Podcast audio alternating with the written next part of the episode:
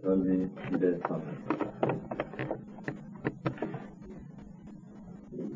Kjære Herre, du vår trofaste Gud og vår Frelser.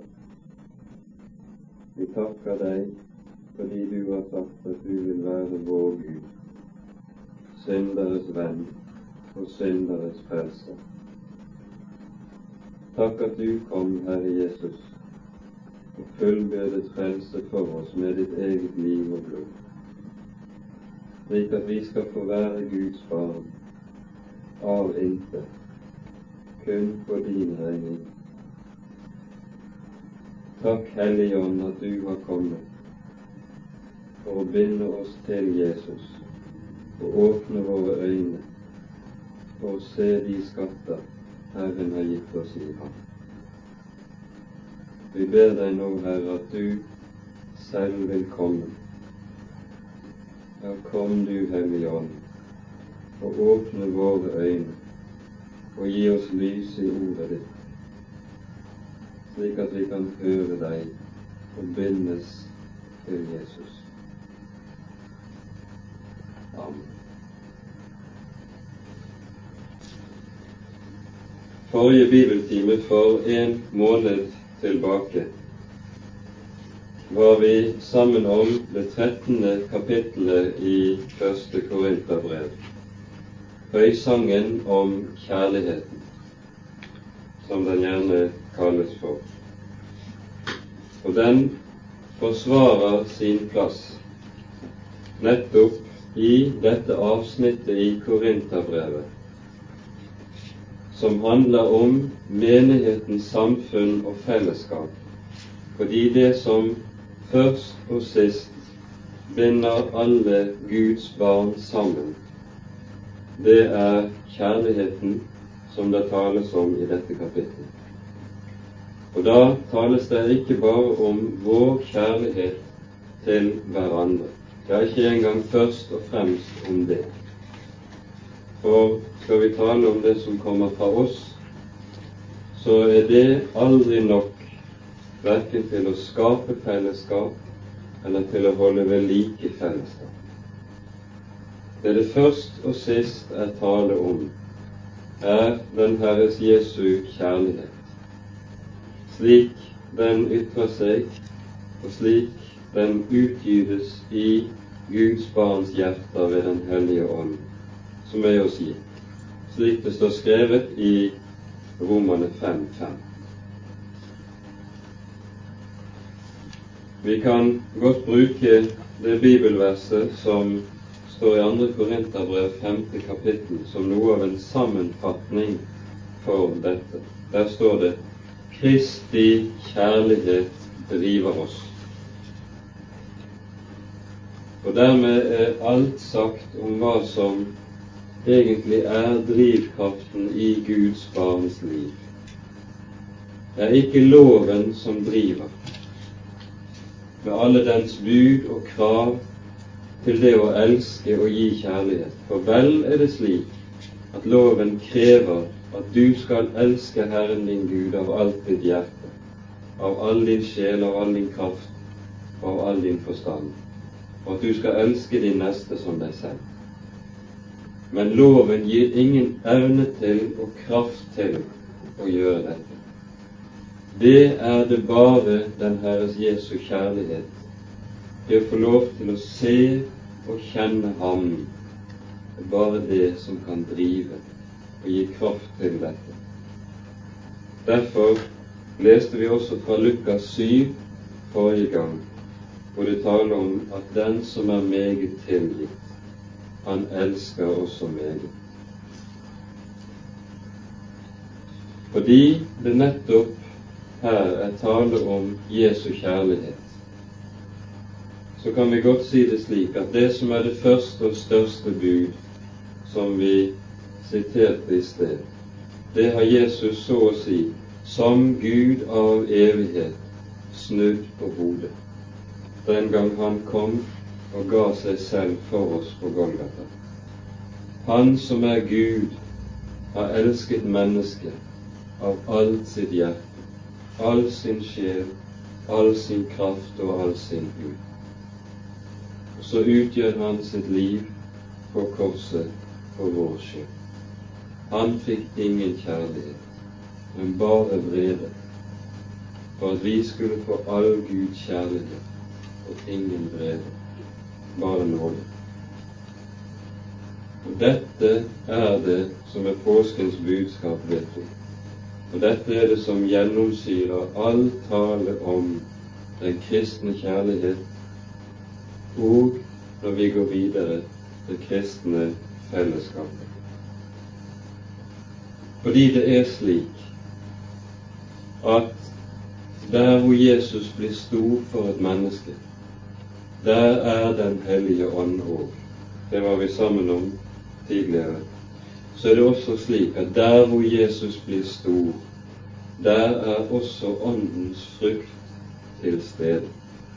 Åndens frukt omtales i Det nye testamentet i Galaterbrevets femte kapittel fra vers 22 og utover, der dere gjerne husker at det står for Åndens frukt er kjærlighet, glede, fred, langmodighet, utholdenhet, trofasthet og saktmodighet.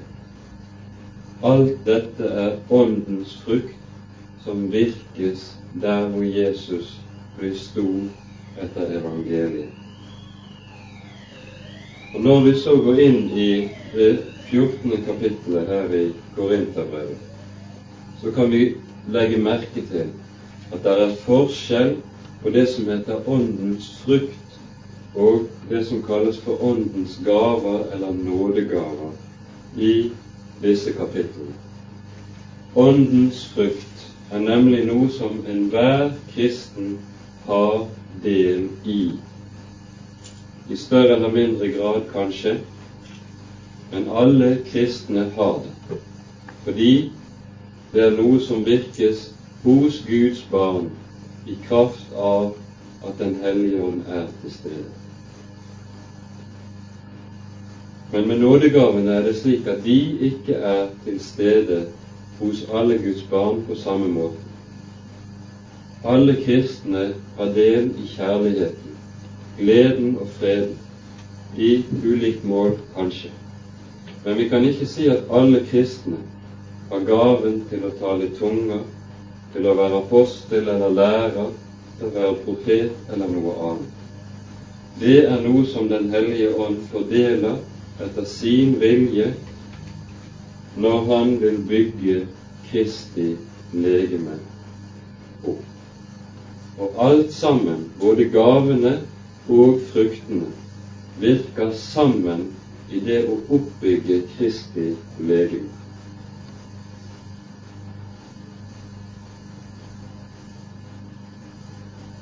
Akkurat som Åndens gaver og Åndens frukt er noe som utelukkende kan virkes ved at Den hellige ånd får lov til å virke, ved at Den hellige ånd får lov til å gjøre Jesus stor imellom oss. Så er det også slik at Kristi legeme, Kristi menighet som fellesskap eller legeme,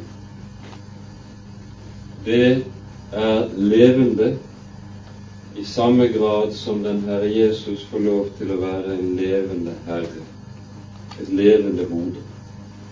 Akkurat som hodet for legemet sto opp fra de døde første påskedag, så sto hans legeme opp på samme vis, slik at det å være Guds barn i denne mening av ordet, det er også å leve i kraften av hans oppstandelse. Slik står det skrevet en rekke steder i Det nye testamentet. Derfor ser vi også at alt sant kristent liv, både når det gjelder hos den enkelte og når det gjelder menigheten som fellesskap, det springer ut fra Han som er den levende, oppstandende frelser, Kilden, som han også kalles. Og Dette er det som er så å si klangbunnen i og forutsetningen for alt som sies og læres oss, også her i det 14. kapittelet i Korinterbrevet. Og da tror jeg vi tar for oss og leser igjennom dette kapittelet høyt sammen.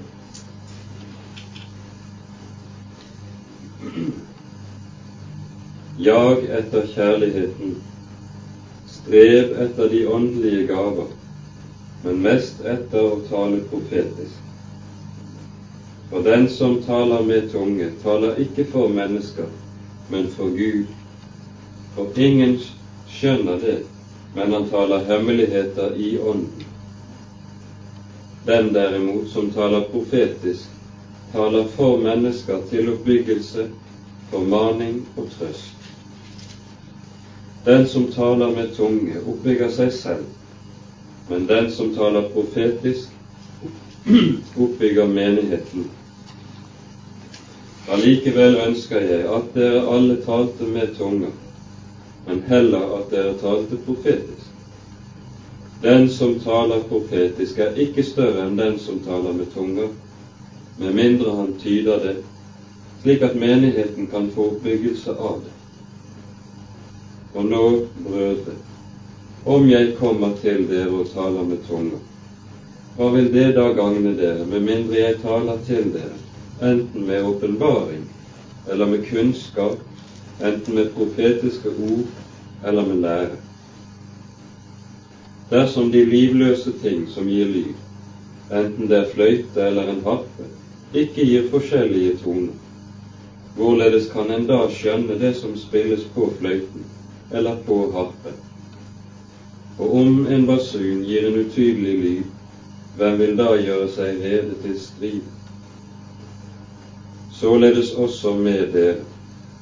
Dersom dere ikke med deres tunge fremfører tydelig tale, hvorledes kan en da skjønne det som blir sagt? Dere vil jo da tale bort i været. Så mange slags språk er det nå visst i verden, og det er intet av dem som ikke har sin betydning. Dersom jeg altså ikke kjenner språkets betydning, blir jeg en utlending for den som taler, og den som taler, blir en utlending for meg. Således også med dere. Når dere streber etter de åndelige gaver, så søk å få dem i rikelig mål til menighetens oppbyggelse. Derfor, den som taler med tunge, han ber om at han må kunne tyde det. For dersom jeg ber med tunge, da ber min ånd, men min forstand er uten frykt. Hvorledes er det altså? Jeg vil bede med ånden, men jeg vil også bede med forstand. Jeg vil lovsynge med ånden, men jeg vil også lovsynge med forstand. For dersom du lover Gud med din ånd, hvorledes skal da noen blant de ukyndige kunne si amen til din takkebønn? Han vet jo ikke hva du sier, for du holder vel en smukk takkebønn, men den andre får ingen oppbyggelse av det. Jeg takker Gud, jeg taler mer med tunger enn dere alle men i en menighetssamling vil jeg heller tale fem ord med min forstand, for derved å lære andre, enn ti tusen ord med tunge. Brødre, vær ikke barn i forstand, men vær barn i ondskap. I forstand derimot skal dere være fullvoksen. Det er skrevet i loven ved folk med fremmed tungemål og ved fremmedes leber vil jeg tale til dette folk. Og enda skal de ikke høre meg, sier Herren. Så er da tungene et tegn, ikke for de troende, men for de vantro. Den profetiske tale derimot er ikke for de vantro, men for de troende. Om da hele menigheten kommer sammen, og alle taler med tunger, og det så kommer ukyndige eller vantro inn, vil de da ikke si at dere er fra dere selv? Men om alle taler profetisk, og det så kommer inn en vantro eller en ukyndig, så refses han av alle og dømmes av alle.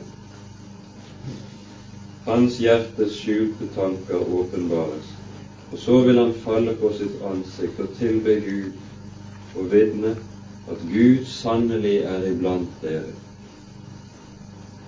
Hvorledes er det altså, brødre? Når dere kommer sammen, så har hver av dere en salme eller en lære, eller en åpenbaring eller en tunge, eller en tydning. La alt skje til oppbyggelse. Taler noen med tunge, da la det være to eller i det høyeste tre hver gang, og den ene etter den annen, og la én tyde det.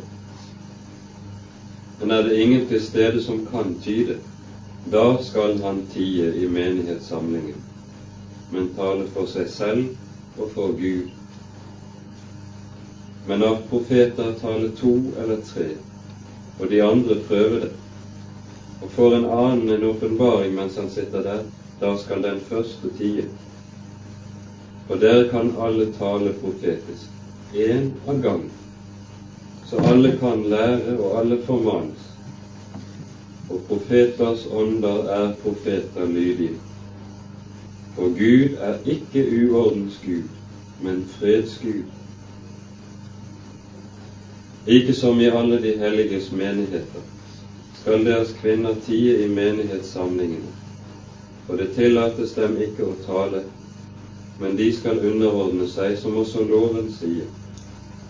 Men vil de få rede på noe, da skal de spørre sine egne menn hjemme, for det sømmer seg ikke for en kvinne å tale i menighetssamling. Eller var det fra dere Guds ord gikk ut? eller er dere det eneste det er nådd til? Tror noen at han er en profet eller en åndelig, da skal han skjønne at det jeg skriver til dere, er Herrens bud. Men om noen ikke skjønner det, så får han la det være. Derfor, brødre, strev etter å tale profetisk, og hindre ikke noen i å tale med tunge, Men la alt skje sømmelig og med orden.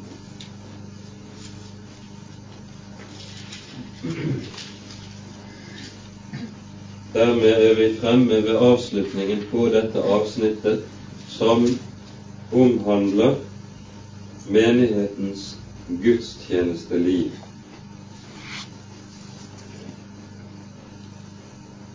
Og vi ser her at det er ett emne som er særskilt aktuelt for menigheten, i Korint. Og det er spørsmålet om tungetale. Dette er e- egentlig en underlig foreteelse, fordi vi vet både fra den tidlige urkirkelige historie og fra Det nye testamentet ellers at Korint var det eneste sted der tungetalen forekom og altså også omtales. Der forekom den som et problem. Det er tydelig ut fra det som vi har lest. Og nokså raskt etter Paulus brev var skrevet, bare noen tiår senere, da en biskop som heter Klemens skriver sitt brev til Korint, da ser det ut til at tungetalen er dødd ut, slik at det ikke lenger representerer noe problem. Og de oldkirkelige fedre som skriver senere, kjenner rett og slett ikke til tungetalen og vet ikke hva den er for noe. Så vi skjønner at i oldkirken, blant de første kristne, så hørte tungetalen med som en ren unntagelse. Likevel avfeier ikke Paulus den.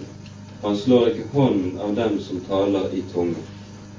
Men han søker, slik vi leser i dette avsnittet, å ordne det hele slik at det ikke fører til uorden og kaos og åndelig oppblåsthet i menighetslivet.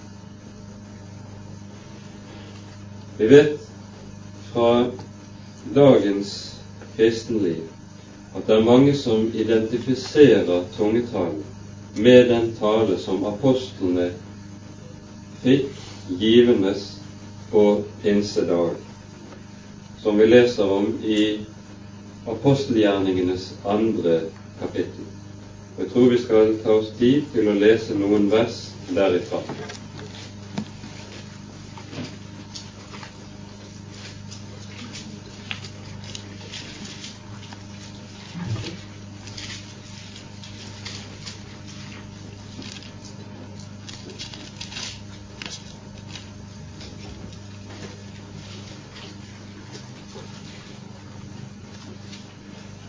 Vi leser fra vers 1. Da pinsefestens dag var kommet, var de alle samlet på samme sted. Og med ett kom det en lyd fra himmelen som var et fremfarende veldig vær, og fylte hele huset der de satt. Og det viste seg for dem tunger like som av ild, som skilte seg og satte seg på enhver av dem. Da ble de alle fylt med Den hellige ånd, og de begynte å tale med andre tunger, alt ettersom Ånden ga dem i tale. Nå bodde der i Jerusalem jøder, gudfryktige menn fra alle folkeslag under himmelen. Da nå denne lyd kom strømmende, kom, strømmet hopen sammen og ble forvirret, fordi de hørte dem tale enhver på sitt eget mål. Og de ble forferdet og undret seg og sa:" Men er ikke alle disse som taler, galileere? Hvorledes går det da til at vi alle hører vårt eget mål, som vi er født i, vi partere og meder og elamitter, vi som bor i Mesopotamia og Judea og Kappadokia, Pontus og Asia, Frygia og Pamphylia, Egypten og landskapene i Libya og Økyrene, og vi tilreisende fra Rom. Både jøder og tilhengere av jødenes tro, fetere og arabere. Vi hører dem tale om Guds store gjerninger på våre tungemunner. Her ser vi at etter Jesu eget løfte, ti, dag etter, ti dager etter hans himmelfart, så utgytes Den hellige ånd på den fest eller høytid som jødene holdt, og som i Det nye testamentet kalles pentekoste, pinseprestens dag, og som jødene hadde som høytid for å minne om lovgivningen ved Sinai. Ved Sinai åpenbarte Gud den gamle pakts grunnlov, loven de ti bud. Og her på pinsedag åpenbarer så Gud den nye pakts grunnlov, Den hellige ånd, som utgytes og gjør sin gjerning ved å forkynne Jesus storverk. Det som er hemmeligheten med det som skjer her, er for det første at vi har en engangshendelse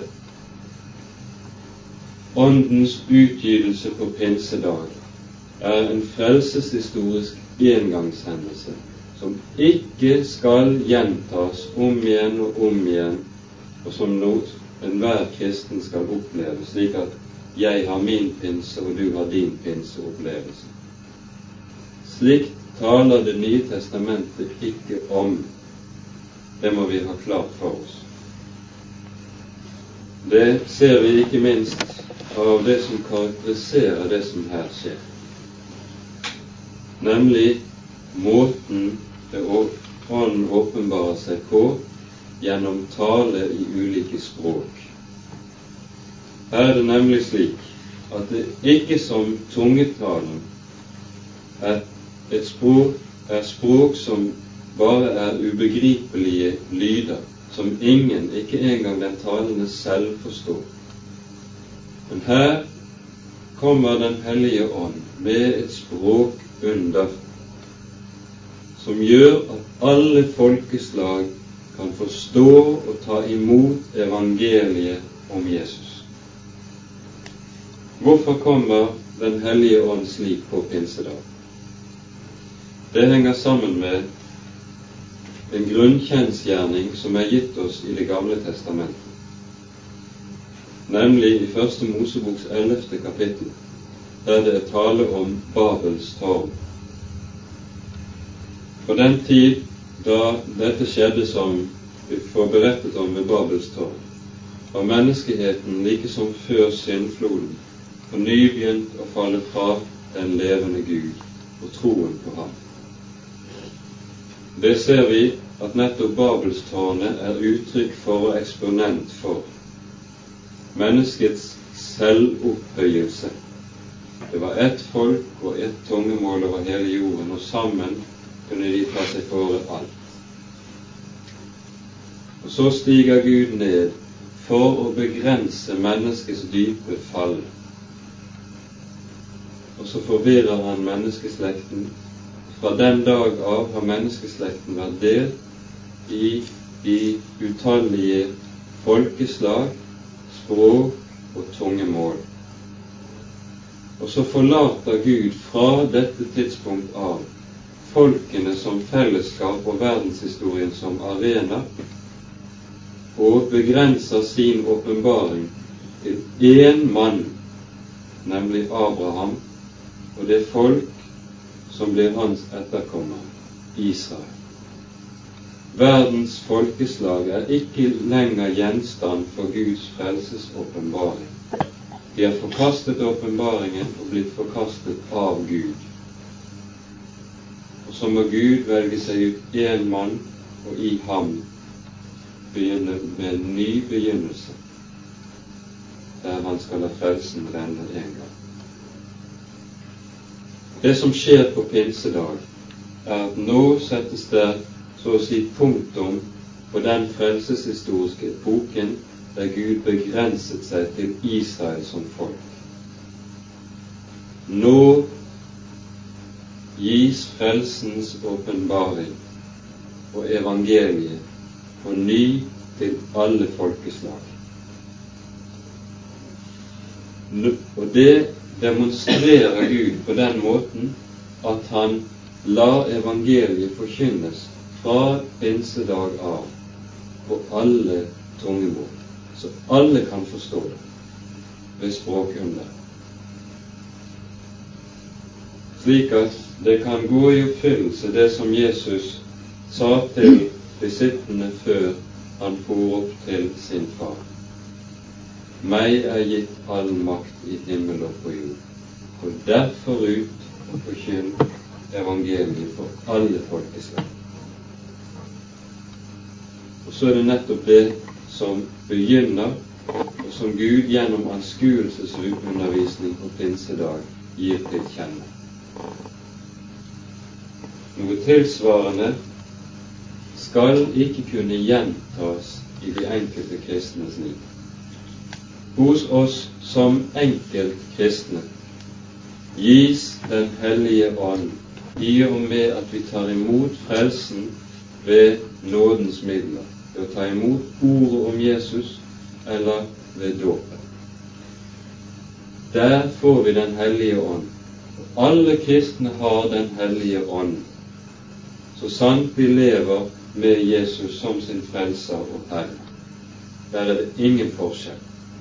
Det finnes ikke to avdelinger eller grader av kristne, de som bare er alminnelige kristne, og så andre i grad, som har fått Åndens dåp og gave, som er spesielt utrustet. Det er jo slik at de som lærer på det viset, de gjerne har også som kjennetegn at det å ha Åndens gave, det gir seg til kjenne ved at man har tungetalens gave. Så alle som har det, de er også åndsdøpt. Noe slikt gis ikke i Det nye testamentet. Og det er kun ved å misforstå ordet her i apostelgjerningene 2 og i apostelgjerningene 10 at man kan dra en slik konklusjon. I apostelgjerningene 10 er det nemlig også tale om at det gis tungetalens gave ved at Den hellige ånd utgytes i hedningen Kornelius sitt hus.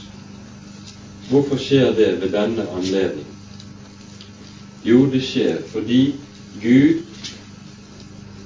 for Peter og de andre apostlene er nødt til på spesiell måte å gi til kjenne for dem at evangeliet er også åpenbart for hedningene. Og Hele kapittel 10 og kapittel 11 i apostelgjerningene er viet dette. For selv om Jesus med tydelige ord har gitt til kjenne at evangeliet skal forkynnes for hedningene og folkeslagene, og selv om de hadde opplevelsen på pinsedag å se tilbake til, så ser vi at tross dette var det dem en uoverstigelig hindring å begynne å gå til hedningene som var urene, ha omgang med dem og forkynne evangeliet for dem. Gud måtte så å si ta Peter og alle de andre apostlene inn i en spesialundervisning før de virkelig begynte å skjønne. Et ledd i denne spesialundervisning er det vi ser i apostelgjerningene 10. Gud utgyter Ånden også over hedningene. Og vi ser at jødene, Peter og de andre apostlene blir sjokkert når det skjer. Så lite hadde de vært i stand til å ta imot og stå av Jesu undervisning også om de ting. Så vi skjønner at også det som står i kapittel 10 i apostelgjerningene, er en frelseshistorisk gjerning Gud gjør for å understreke at evangeliet gitt til hedningene våre. Vi skjønner dermed altså at tungetalen som det er tale om i Korinterbrevets 14. kapittel, og det språkunder som det er tale om i apostelgjerningene 2, det er slett ikke samme sak. Det er to vidt forskjellige ting. Og Dermed tror jeg at vi kan gå inn i kapittel 14 og se på dette konkret. Det første apostelen gjør, det er å minne om det han har sagt i det foregående kapittel. Jag etter kjærligheten. Dette På gresk bruker han et ord som er meget, meget sterkt, for å understreke at her er det grunnleggende det er tale om når det gjelder det kristne liv. Jag etter kjærligheten. Og så kommer i neste omgang strev etter de åndelige gaver. Da må vi spørre hvordan kan man jage etter kjærlighet? Er det noe som jeg gjør ved åndelig anspennelse, åndelig gymnastikk og anstrengelse? Nei. Det er noe som kun kan skje på nøyaktig samme premisser som vi ser når det gjelder Åndens gave ellers. Det skjer gjennom det å søke å lære Jesus mer å kjenne. Få mer lys i evangeliet. Få mer lys over frelsens hemmelighet. og kjenne Ham og kraften av Hans oppstandelse slik som apostelen sier i Filippabrevets tredje kapittel. Brødre, jeg sier ikke om meg selv at jeg har grepet det, men ett gjør jeg. Jeg glemmer det som er bak, og strekker meg ut etter det som er foran. Jeg jager mot målet, sier han. Hos korinterne var det slik at de så på dette som noe som det var i høyden noe selvfølgelig, det var noe som var såpass enkelt at de behøvde ikke å besvære seg med den slags. Det var så smått at det behøvde de liksom ikke å bekymre seg med. Det var andre ting de beskjeftiget seg med. For det var liksom tegn på modenhet, det, hos korinterne. At de var opptatt med de ekstraordinære gavene, og ganske særskilt tungetalene. Men i Bibelen ser vi at det slett ikke er slik. Der ser vi ikke ser vi at det er slik at de som er mest modne som kristne, de er også de som aller mest higer etter og strekker seg etter å få kjenne Jesus mer. De sier ikke at 'jeg kjenner ham godt nok, for jeg er moden'. Åndelig umodenhet viser seg i at man ikke har den trangen og drivkraften i å strekke seg, sulte etter evangeliet.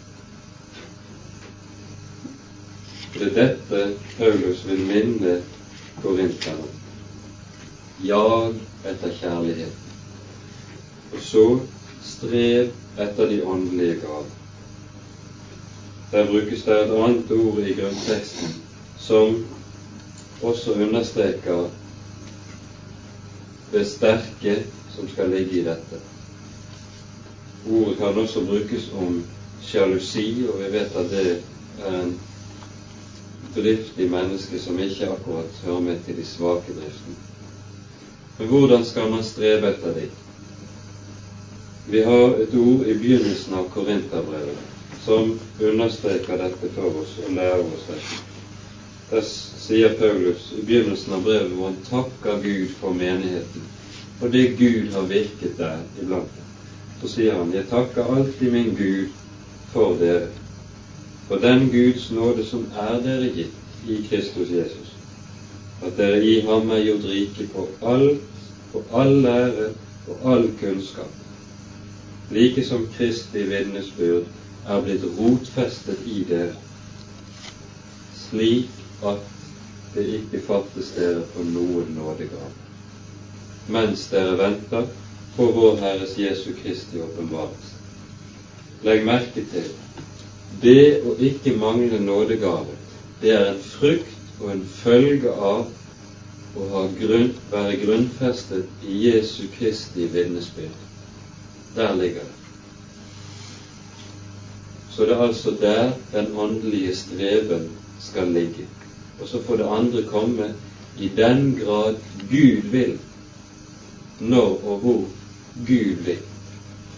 For det er ikke noe jeg kan streve etter som om jeg selv kunne vinne det ved min anstrengelse. Men det er noe som gis og virkes i kraft av kunnskapen om den Herre Jesus. Så får den frukt og den følge komme som Gud vil. Det er ikke min sak, hva som kommer.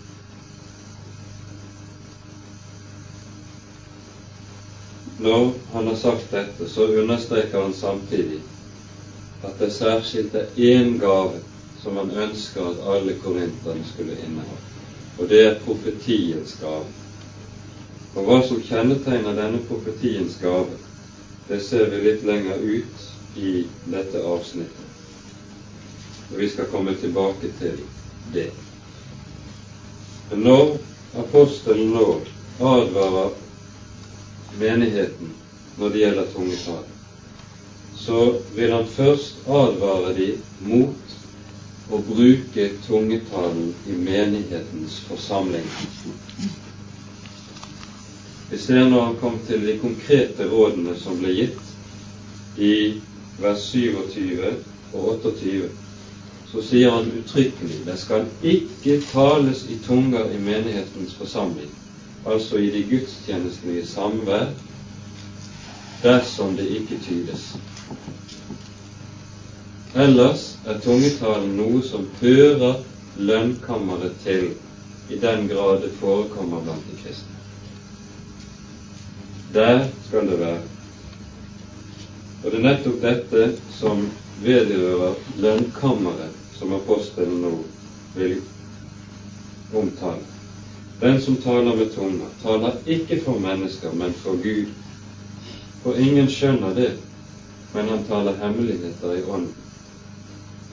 Den som vil tale i tunga for mennesker, han vil nettopp stå i fare for å komme inn i den grøften som fariseerne var falt i, og som vi leser i Matteusevangeliet 6, hvor Jesus sier ta dere i vare for utøve deres framhet eller deres gode gjerninger for menneskene. Og Korinterne var nettopp slike som så på tungetalen som et spesielt tegn på åndelig modenhet når han nådde land.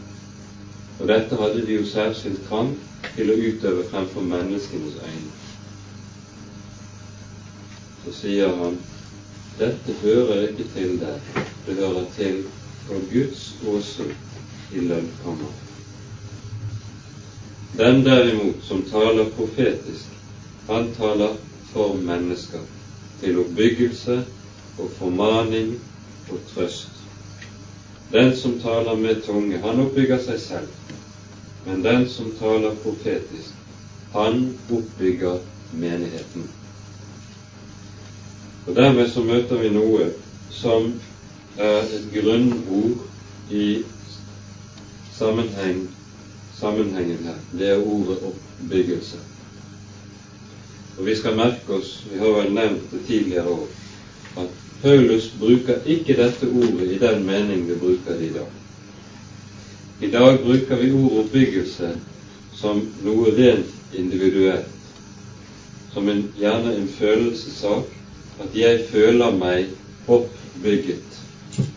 Det kan være noe i et møte eller i en tale som har vært særskilt rørende. Da blir man oppbygget. Det kan ha vært musikk som har vært storartet. Da blir man oppbygget. Ting som vedrører den følelsesmessige siden av det åndelige liv, det kaller man oppbyggelse i dag. Det har ingenting med det Paulus kaller oppbyggelse å gjøre. Hva er det apostelen kaller oppbyggelse? Det er det som bygger menighet. Og bildet er hentet fra husbyggingens område. Og Særlig er det vel tempelbygningen som han omtaler i det tredje kapittelet han har i bakhodet. Når et tempel eller et hus bygges, så føyes hver sten sammen, slik at det blir et ordnet byggverk som har sin klare som, følg, som er bygget etter klare tegninger slik arkitekten har villet det. Når det gjelder det åndelige byggverk, som er Guds menighet, så er det Gud som er arkitekten, og som ønsker å bygge sin menighet gjennom at det tales klart og tydelig i menigheten. Og gjennom den klare og tydelige og forståelige Apostelen bruker ordet 'forståelig' eller forståelse gang på gang gjennom hele dette kapittelet, kan vi se. Gjennom det bygges menighet. Den som vil oppbygge seg selv, den kunne sammenlignes med en kar som på en byggeplass står litt utenfor alle de andre arbeiderne og begynner å sette opp steiner for seg sjøl, og ikke bygger på det huset som alle de andre holder på med og arbeider med. Det er like dåraktig å tro at det er kjennetegnet på spesiell åndelighet, som, at, som korinterne jo gjorde. De var slike, som holdt på med slike særbyggverk rundt omkring, og til og med roste seg av denne dårskap og trodde at det var spesielt verdifullt. Nei, sier apostelen. Det som er størst det er den profetiske talen. Så nevner han også to andre uttrykk her. Han taler til formaning og til trøst. Her brukes det for det første når det er uttrykket formaning, så menes det ikke bare ord som sier noe om hvorledes vi skal oppføre oss hva vi skal gjøre eller være som kristne. Men ordet formaning, det kan også bety unnskyld, i Bibelen oppmuntring. Og Når det brukes i den betydningen, så brukes det klart og tydelig om forkynnelsen av evangeliet. Det er altså ikke bare loven dette uttrykket formaning omfatter. Det er også et uttrykk for evangeliets forkynnelse i menigheten. Og så taler den profetiske ord til trøst.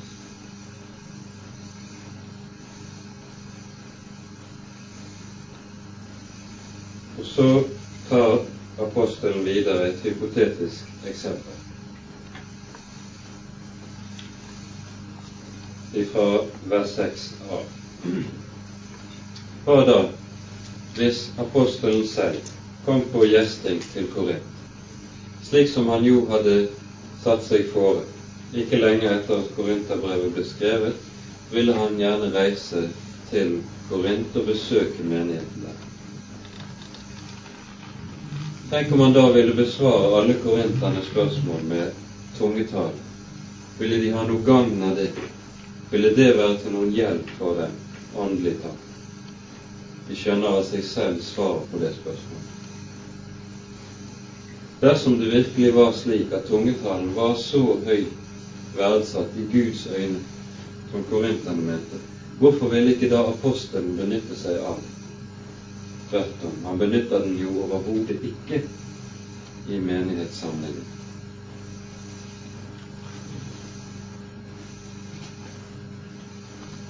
Så ser vi altså, og dette understreker han på ny og på ny og på ny nedover gjennom kapitlet, at det det er tale om hele veien, det er at talen skal være forståelig for menigheten, for at den kan være til oppbyggelse. Så mange slags språk er det nå visst i verden, og det er intet av dem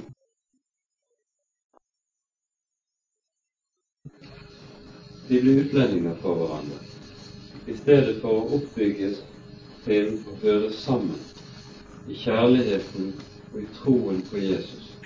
Så blir det altså det at de blir åndelig fremmed for hverandre. Hver enkelt blir stor og åndelig for seg selv, men slik at han ikke trenger de andre, og liksom heller ikke riktig hører sammen med de andre.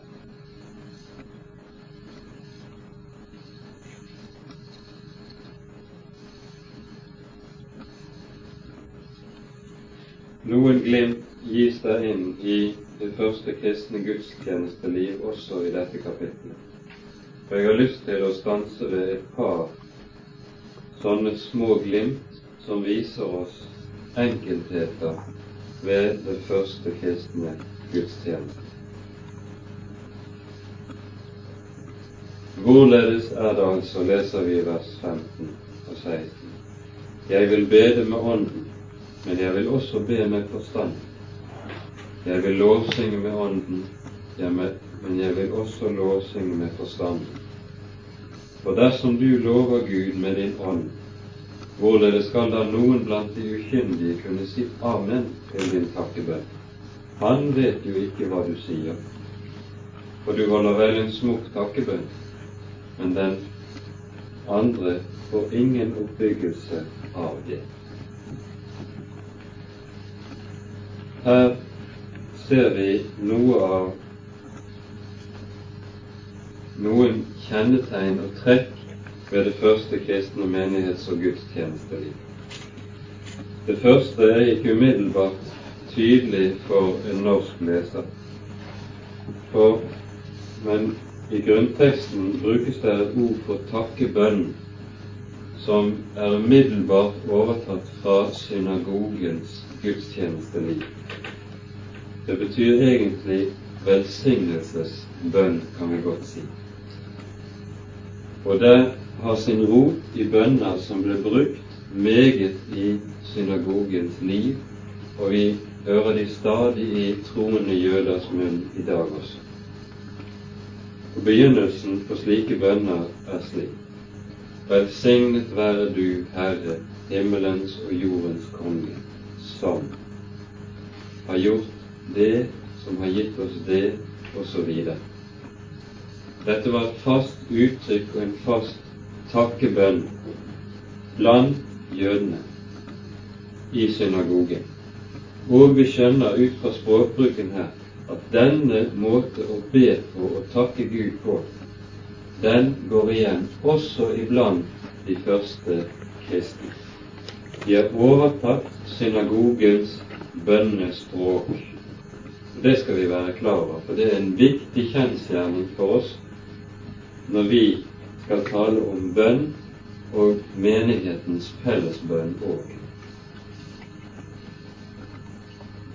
For vi har veldig lett for å tenke slik, og det gjør vi gjerne ut ifra avsnittet fra vers 26 og utover. Dette er jo gjerne læres oss også fra frie menighetssamlinger at den første kristne gudstjenesten, den var helt fri.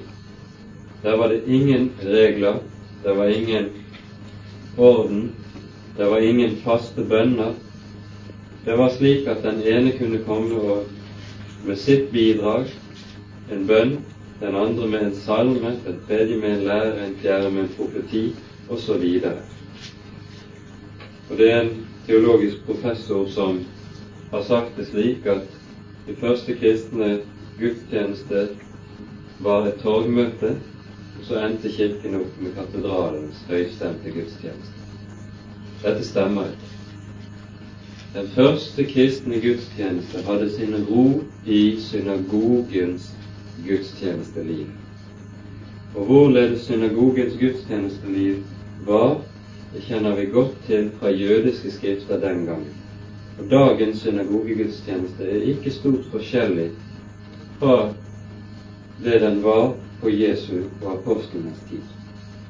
Synagogens gudstjeneste igjen stammer fra å ha sin ro i tempeltjenesten i Jerusalem. Hva var det som kjennetegnet denne? Det var først og fremst det at Davids salmer var grunnstamme i bønnelivet. Det var det vi kan kalle for liturgien. Man tror det at de første kristne bare hadde frie bønner, og at i den man så når man skal ha, ha liturgi i betydningen å be faste, formulerte bønner, f.eks. slik som vi har det i Davids salmer. Da blir man ufri, da blir man bunden, da kommer man inn i en død ritualisme som virker drepende for alt menighetsliv. Slik forkynnes det jo gjerne fra i den slags propaganda. Og vel er det slik at en mekanisk gjentagelse av ferdig formulerte ord, det er et tegn på åndelig død. Det er klart i Det nye testamentet. Men det betyr ikke at faste bønner er tegn på uåndelighet og Gud til stede. Tvert om ser vi i Det nye testamentet og i Det gamle testamentet at det å be Guds ord, det er grunnstammen i all kristen bønn og i all kristen gudstjenesteliv overhodet. Vi kan sammenligne det med hvorledes et barn lærer å tale. Hvorledes barn lærer de det? De settes ikke på skolen og først lærer grammatikk, og så lærer de en viss ordliste osv. Nei. Barn lærer å tale gjennom å høre sine foreldre tale. Og slik lærer også Guds barn bønn. De lærer bønn gjennom å høre far tale og be Guds ord. For det som kjennetegner Davids salmer og bønnene i Det gamle testamentet, er nettopp det at Gud selv har gitt oss den store gave at vi skal få be med Guds eget ord. I overskriftene i Salmenes bok der står det f.eks. en salme av David. Dette er egentlig ikke en korrekt oversettelse av det som står i den hebraiske grunnteksten. For i den hebraiske grunnteksten står det egentlig en salme til David. Det er nemlig ikke David som er forfatter til salmene, men det er salmer som er gitt til David fra Gud. David har bare vært midleren som Gud har arbeidet igjennom og gitt oss bønnene. Og så skal vi få lov til som barn å høre far tale. Og så lærer vi det kristne bønnespråk ved det. Derfor hører vi også at de bønner som ble gitt for oss i Det nye testamentet, som ble bedt av de første kristne, hva inneholder de? De inneholder ord som med ulike variasjoner er hentet fra Guds ords bønner i Det gamle testamentet. Tenk på Marias lovsang i Lukas 1 og Sakarias lovsang i samme kapittel. Tenk på gamle Simeons bønn i det andre kapittelet hos Lukas. Tenk på den bønn de første kristne ba etter at Simon Peter var sluppet ut av fengselet i apostelgjerningenes femte kapittel, der det står at hele menigheten var enstemmig og med samdrektig røst. De ba med ord gitt ifra Det gamle testamentet. Slik var også den første kristne gudstjeneste. En gudstjeneste der grunnstammen var Davids salmer, etter synagogebønnens mønster. Og så føyde de første kristne også inn de særskilte kristne trekkene som etter hvert kom til. Nadværen kom til, det er jo det første. Det andre som kom til, var den kristne forkynnelse eller preken. Men prekenen fantes allerede også i synagogetjenesten. Vi husker når Jesus var i Nasarets synagoge, som vi leser i Lukas 4. kapittel. Han kom frem og skulle lese fra Esaias skriftrull, så setter han seg for å tale til forsamlingen. Det var etter god jødisk skikk preken, tale og undervisning pågikk slik i synagogen.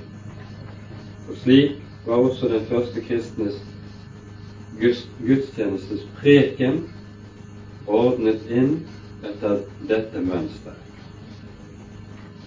Den ytre ordning i synagogen med forstander, eldste, leder for gudstjenesteliv, leder for bønner og skriftleser osv det er også noe som vi finner videreført i den første kristne menighetsorganisasjon. De samme forhold finner vi igjen.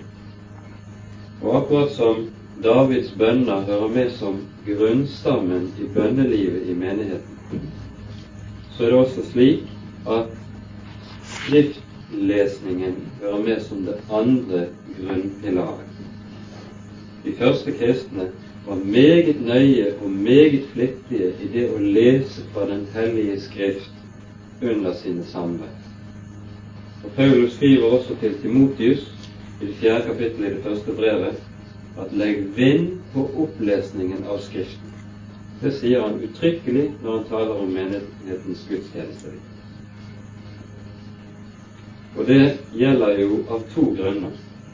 For det første har det jo en rent sosial årsak nemlig den at de første kristne var gjerne fattige. Det var slett ikke mange av dem som hadde råd til å ha sin egen rull, sin egen bibel. Dermed ble det en livsnødvendighet for dem å høre mye og rikelig av Guds ord under gudstjenestelivet.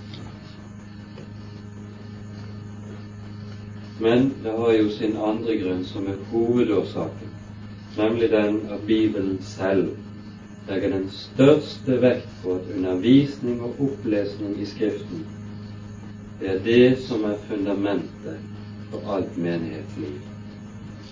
Slik ser vi også at i Det gamle testamentet, ved en rekke av høytidene, så forordnet Gud selv det slik at det skulle leses høyt fra Skriften for alt folket. For alt folket skulle stå og høre og si Amen når lesningen ble avsluttet. Og Dermed er vi tilbake ved dette verset som vi leste her i vers 16. Hvorledes skulle da noen blant de ukyndige kunne si amen til din takkebønn, til din velsignelsesbønn? Det var vanlig at når en bønn var bedt, så stemte hele menigheten i i kor og sa amen. Fordi det skulle være slik at de bønner som ble bedt i menighetens forsamling, ikke bare var private eller individuelle særbønner, men det var hele menighetens felles bønn til Gud.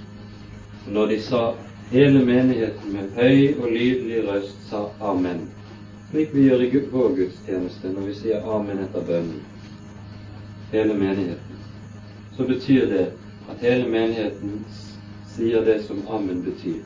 La så skje. La dette stå fast for ditt åsyn, Gud, og gjør hva du har sagt.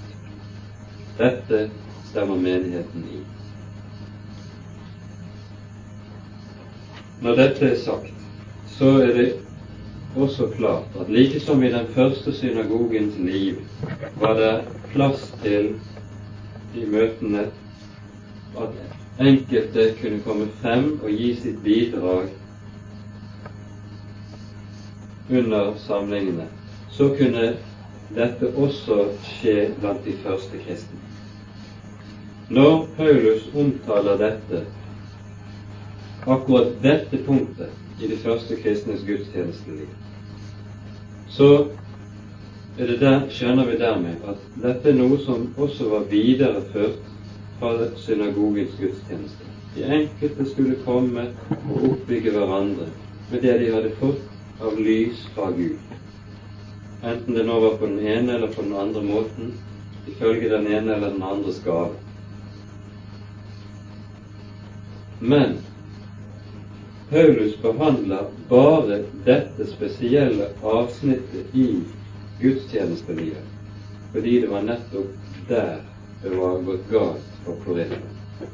Det var der kaos meldte seg, slik, sin, slik at de i sin overåndelighet tenkte at fordi jeg har Ånden, fordi jeg er en som er spesielt begavet av Den hellige ånd, så skal jeg kunne ha frihet til å reise meg, til å tale og si hva jeg vil, når jeg vil. Helt uavhengig av menighetens orden og gudstjenestens harmoni. En slik frihet fantes ikke og skulle ikke finnes i den første kristne gudstjenesten. For det ville uvegerlig bli kaos slik det ble i Korint. Og et slikt kaos i gudstjenestelivet vil uvegerlig igjen føre til kaos når det gjelder fellesskapet og samværet ellers. Og så vil det altså i stedet for oppbyggelse bli nedrivelse. Og det er slett ikke fra Gud.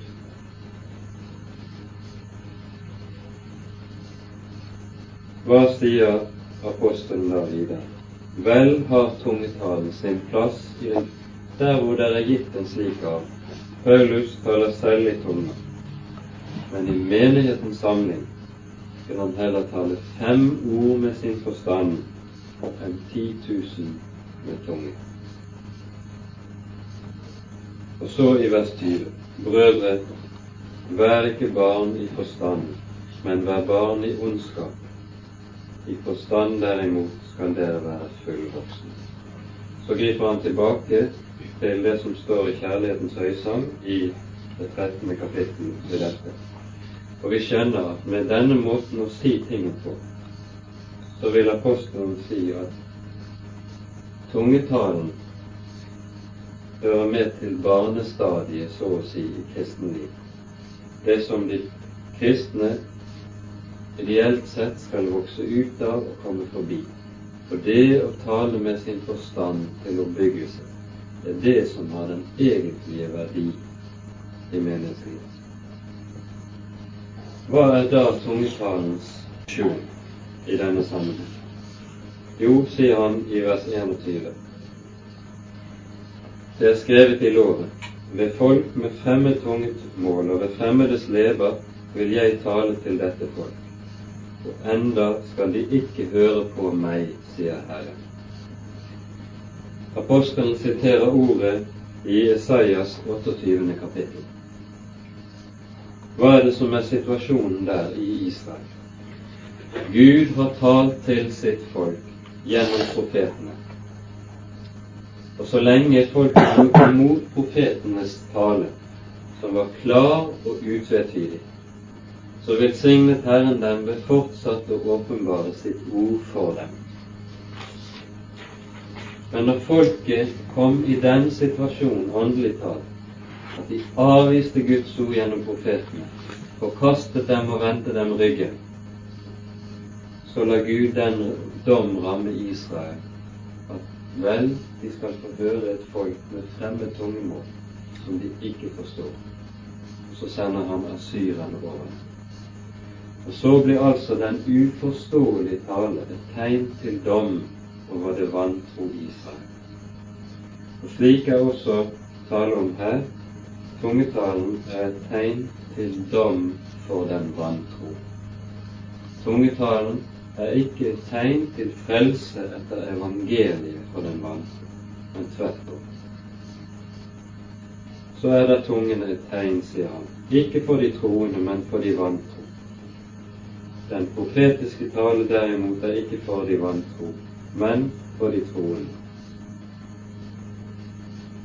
Og så går han over til å tale om den profetiske talen. Om da hele menigheten kommer sammen, og alle taler med tunger, og det så kommer ukyndige eller vantro inn, vil de da ikke si at dere er fra dere selv?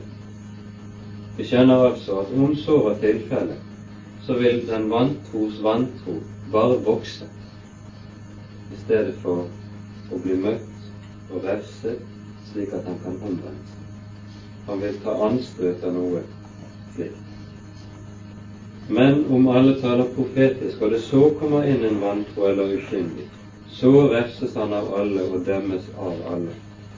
Og hans hjertes skjulte tanker åpenbares, og så vil han falle på sitt ansikt og tilbe Gud og vitne at Gud er sannelig iblant dere.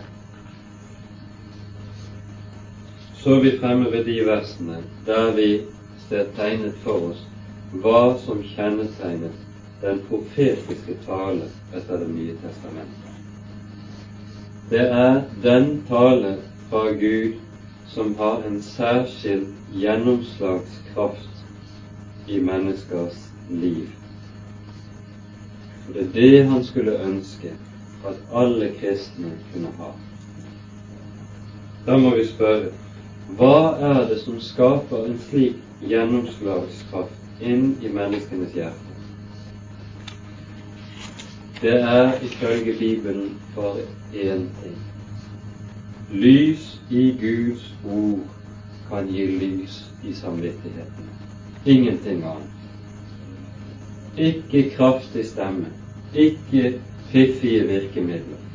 Ingen virkemidler overhodet utenom dette ene.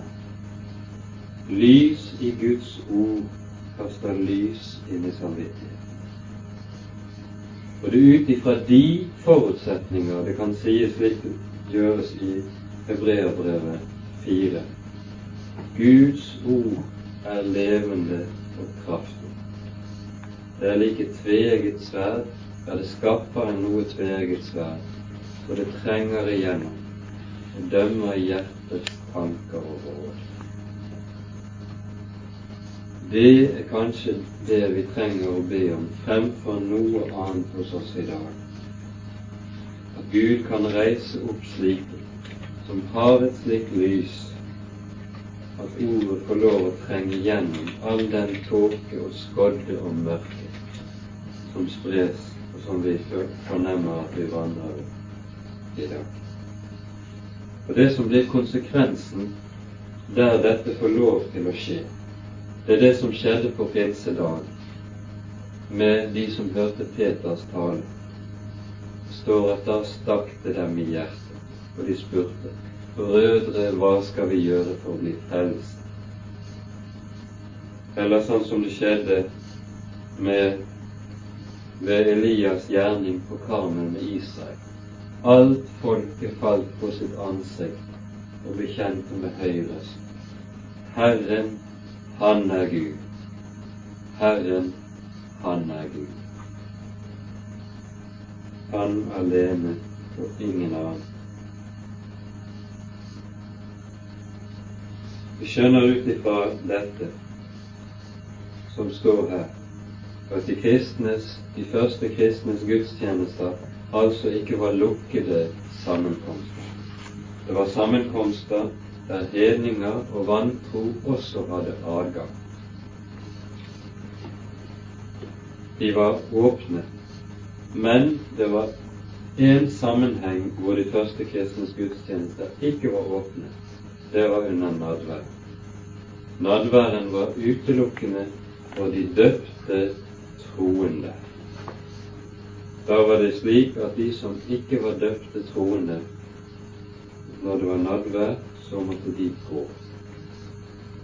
Der har vi nok en stor forskjell på datidens gudstjenesteliv og det vi har nå. Så kommer vi til avsnittet fra vers 26 til 33. Her gir apostelen noen enkle regler for hvorledes gudstjenestelivet skal reguleres og ordnes. Det var særlig den person i menigheten som hadde kall å være leder ved samlingene, som skulle styre dette. Tungene skal altså ikke lyde i gudstjenesten i det hele tatt, med mindre de blir tydet. Og når det gjaldt profetene og deres tale, så kunne to eller tre få lov å tale. Men det fulgte en viktig forbehold med det. Enhver profetisk tale skal prøves de skulle altså ikke ta for god fisk det som kom, uansett hvordan det kom, eller hvem det kom fra. All profetisk tale skal prøves. Og dette er noe som gjentas gang på gang gjennom hele Det nye testamentet. Vi kan nevne det mest kjente ordet i 1. Johannesbrevs fjerde kapittel, der det står slik dere elskede, tro ikke enhver ånd, men prøv åndene om de er av Gud, for mange falske profeter er gått ut i verden. Dersom det altså skulle være slik at det var prøvelse, så var det også gitt at det var et klart og objektivt grunnlag som profetene skulle prøves på. Hva var det? Jo, vi skjønner at her er det tale om åpenbaringen i Guds ord. For den skulle det prøves. All tale som ikke var overensstemmende med åpenbaringen i Bibelen, skulle forkastes, og de skulle ikke få lov å tale videre i menigheten sammen. All tale som var i overensstemmelse med Guds ord, og som utlade og åpenbarte det for hjertene, det alene skal få lov til å stå lydig. Intet annet.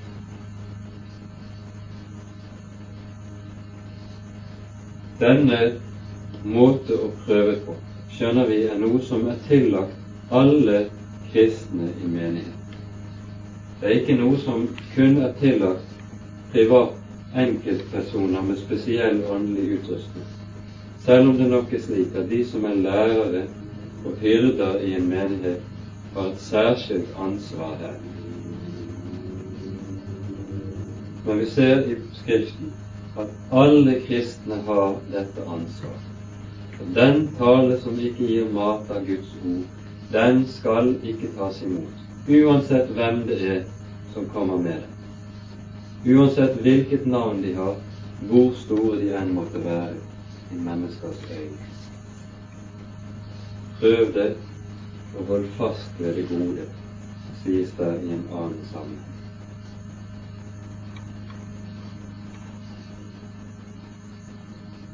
Så til slutt profeters ånder er profeter lydige. For Gud er ikke uordens Gud, men freds Gud. Ut fra det som står i vers 32 at profeters ånder er profeter lydige, så skjønner vi at den profetiske tale det er ikke en slags tale som uimotståelig trenger seg frem hos den det gjelder, slik at han ikke er i stand til å kontrollere seg selv. Mangel på selvbeherskelse eller ubeherskethet det er ikke noe kjennetegn på Guds ånd. Det å komme i ubehersket ekstase, Det har intet med Guds ånd å gjøre. For Gud er ikke uordens Gud, men freds Gud. Slik ser vi også gjennom hele Skriften, også i Det gamle testamentet. Når Gud taler til profetene og gjennom profetene, så er det aldri slik at deres forstand, deres menneskelige utrustning sjaltes ut. Men det er tvert om slik at det sjaltes inn at gjennom Guds ords tale og virkning i dem, først da blir de virkelig det Gud har villet og ment med dem. Profeters ånder er profeter lydige. Så ser vi altså at det som kjennetegner den profetiske talen, er to ting. Det er at den ikke er ukontrollert, og at den er kjennetegnet ved at den har lys i Guds ord. De to ting er det særskilte. Vi kan kanskje nevne en tredje ting også, siden dette med prøvingen var nevnt. Det er at den profetiske tale i nytestamentlig forstand ikke bringer ny åpenbaring i tillegg til åpenbaringen i Guds ord. Noen slik åpenbaring gis ikke utover Det nye testamentet. For det sies uttrykkelig i profeten Daniel at på denne tid skal åpenbaringen avsluttes og forsegles. Så all tale som vil gi seg ut for å komme med noe i tillegg til at Gud vil åpenbare noe mer enn det som står skrevet i Skriften, selv om det høres veldig fint ut, og de som sier slikt, det har vært utallige av dem oppover gjennom kirkehistorien, og vi har ikke få av dem i dag òg. Selv om det høres flott og imponerende ut med slik åndsbesittelse, så skal vi ikke høre på det. For Gud har selv sagt at dersom noen legger noe til, eller trekker noe fra det som er skrevet i denne bok, han er forbannet. Med så sterke virkemidler vokter Gud selv sitt ord. Og det trenger vi ikke minst i dag å ta ad notam. Når apostelen til slutt kommer frem til vers 33, og vi slutter der, ettersom vi har talt om kvinnens gjerning og plass i menighetssamlingene i forbindelse med det som ble sagt i, i kapittel 11, så sier han for Gud er ikke uordens Gud, men freds Gud. Det gjelder altså både den enkelte kristnes liv og menighetens felles liv. Vi skal merke oss at det står ikke som motsetning til uorden orden, men det står fred. Hvorfor er det ordet brukt som motsetning? Jo, fordi at i verden kan det vel være slik at orden og disiplin representerer motsetningen til uorden og rot. Men i Guds rike er det slik at freden og den harmoni som kjennetegner den guddommelige fred, det er det som representerer motsetningen til uorden. Og det er altså den fred og den stillhet og den glede som er behersket av denne fred, som skal beherske det kristne menighetsliv og fellesskapet og gudstjenesten. Gud er ikke uordens Gud, men fredsgud. Da passer det kanskje at vi slutter med et ord i denne sammenhengen som er gitt oss i Davids salme 65. Deg, Gud, priser de i stillhet på Sion. Lovsangen er der. Tonen klinger. Den tonen som bare kan lyde fra de munnene som Gud selv har gitt lovsangen, den nye sangen, fordi de kjenner Jesus. Men det er en forunderlig fred og en forunderlig stillhet som følger den, som ikke kan etterlignes av noe annet. Når det i våre gudstjenester ofte ved avslutningen på gudstjenesten sies Gå i fred og tjen Herren med glede, så har man snudd Bibelens orden på hodet. For det å tjene Herren med glede, det er et sitat fra Salme 100, vers 2. For det er et ord som ble lest og sunget, ikke når menigheten gikk, inn, gikk ut av tempelet, men når de gikk inn i tempelet. Deg, Gud, priser de i stillhet på Sion. Tjen Herren med glede. Det er den sangen som synges der inne, som er slik. Og så er det noe av det de bærer med seg ut i verden. Og med det tror jeg vi slutter i dag.